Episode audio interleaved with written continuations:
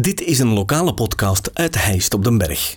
Uit het boek Ikke en de Sikke, in het Heists dialect geschreven door Eddy Keulemans en Sikke Ooms, worden korte verhalen in datzelfde dialect voorgelezen. Dit vertelselke werd ingesproken door Leo Kanaerts. Quiz. Begin jaren 80 werkte ik overdag op het ministerie van Onderwijs in Brussel. En s'avonds was ik meestal te vanen in het chalet van de Bos, maar toch ging ik al eens scheren naar de training zien.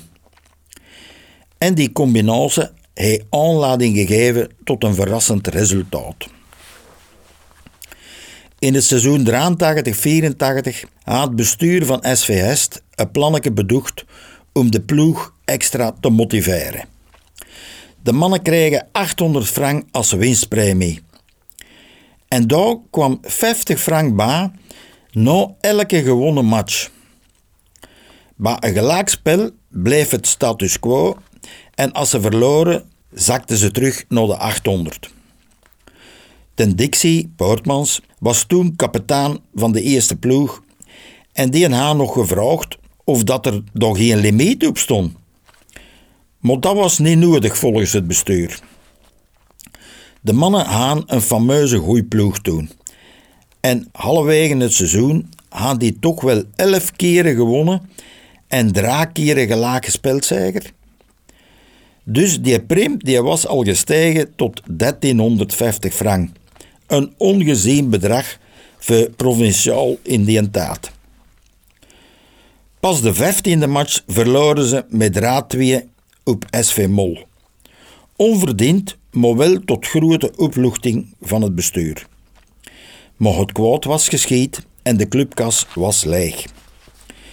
Jules Canaut, die brave mens, die zag zijn levenswerk daar bijna naar de botten gaan. En die vroeg aan mij of dat ik misschien geen goed gedacht had om terug wat geld in bakje te krijgen.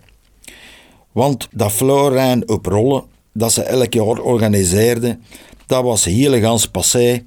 En daar kwam nog Draaman en een Pierre Kop op af. Nou, wil dat lukken, ik zat toen in Brussel op een bureau bij Sonja, een madameke uit Dendermonde. En die had me verteld dat ze elke zaterdag met haar vent meeging naar een quizavond. Want dat was daar lastiekante toen heel het in trek.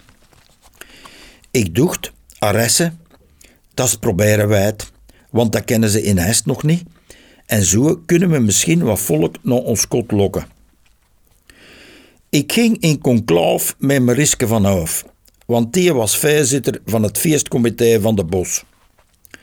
De Maris wist direct een ideale quizmaster.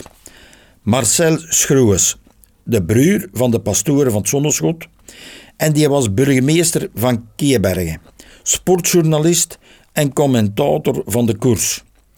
En die was op slag d'accoord om mee te doen. Zijn artiestennaam was Scrabino.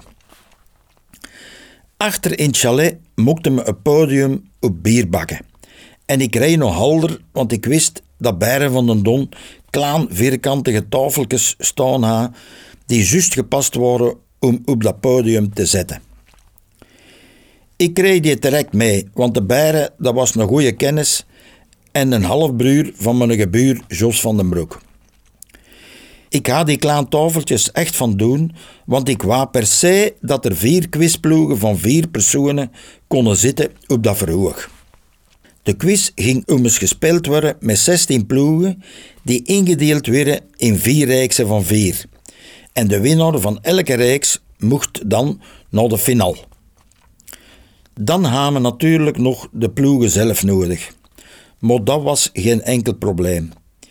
Ik hing affiches in alle cafés van Hest en ze kwamen erop af lak vliegen op een stront. We moesten zelfs ploegen wageren, want we konden ze het niet allemaal zetten.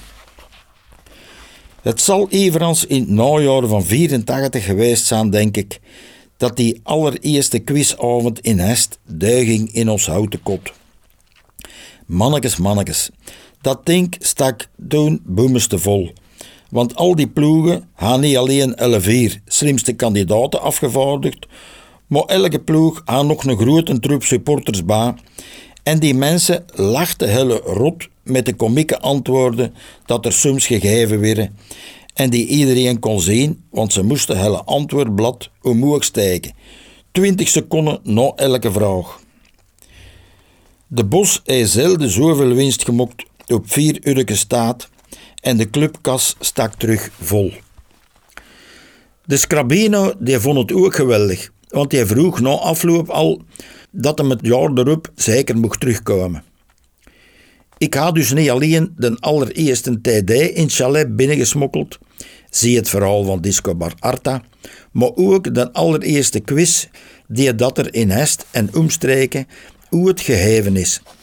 Dat zijn dus al zeker twee speekmedailles. We hebben dat dan nog enkele jaren gedaan en ook in de Monty heb ik altijd meegeholpen aan de quizzen voor pastoor Dr. Mettes, die in de Congo zat en al onze hulp goed kost gebroken. Daar hebben we zelfs als quizmaster de Cas van Etegum, die toen de grote baas was van de BRTN. Agelle dacht dat er in Etegum geen talent zat. Denk dan maar rap wat anders. Na een jaar of drie, vier moesten we met leide ogen vaststellen dat er ploegen waren die het afbolden als ze er rood lagen in alle rijks. En toen zijn die zaalkwissen ontstaan met ploegen van vier, vijf man die de hele avond op hun stoelen mochten blijven zitten. Maar ik vond quizzen toch veel plezanter zelf. Deze podcast kwam tot stand dankzij Huisdresselaars en Tropical. Volg de podcast op Facebook.